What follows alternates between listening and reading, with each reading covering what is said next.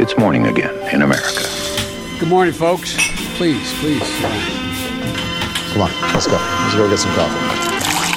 Thank you very much. God morgen. Det er fredag 10. januar, og morgenkaffen fra amerikanskpolitikk.no er servert. Det er fire dager igjen til neste TV-debatt, og i dag har vi også fire 2020-relaterte saker.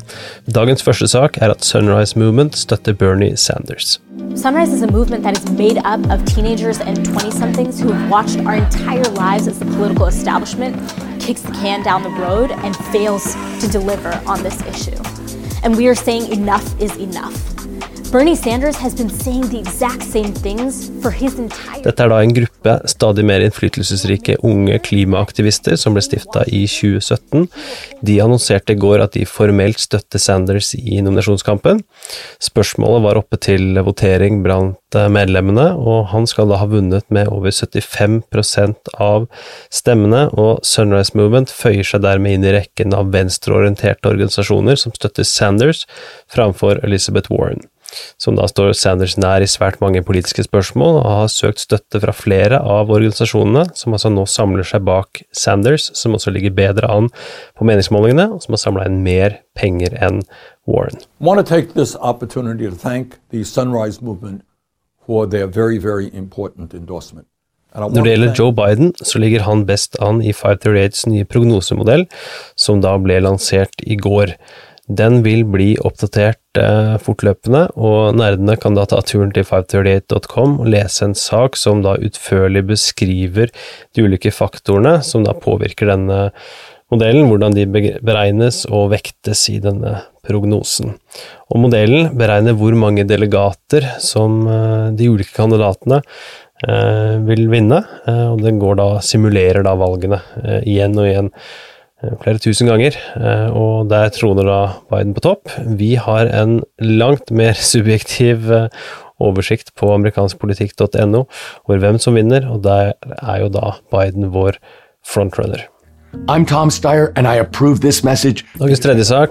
Tom Steyer klarte debattkravet. Det er altså da fire dager igjen til neste TV-debatt, og det var da i siste liten for eh, Steyer.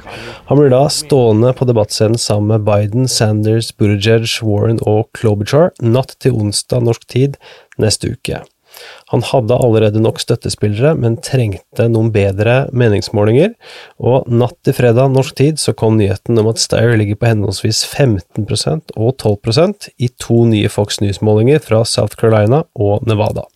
Så det lønner seg tydeligvis å bruke masse penger på TV-reklamer. Donald Trump will go down in history for his racism, lies, and impeachable crimes.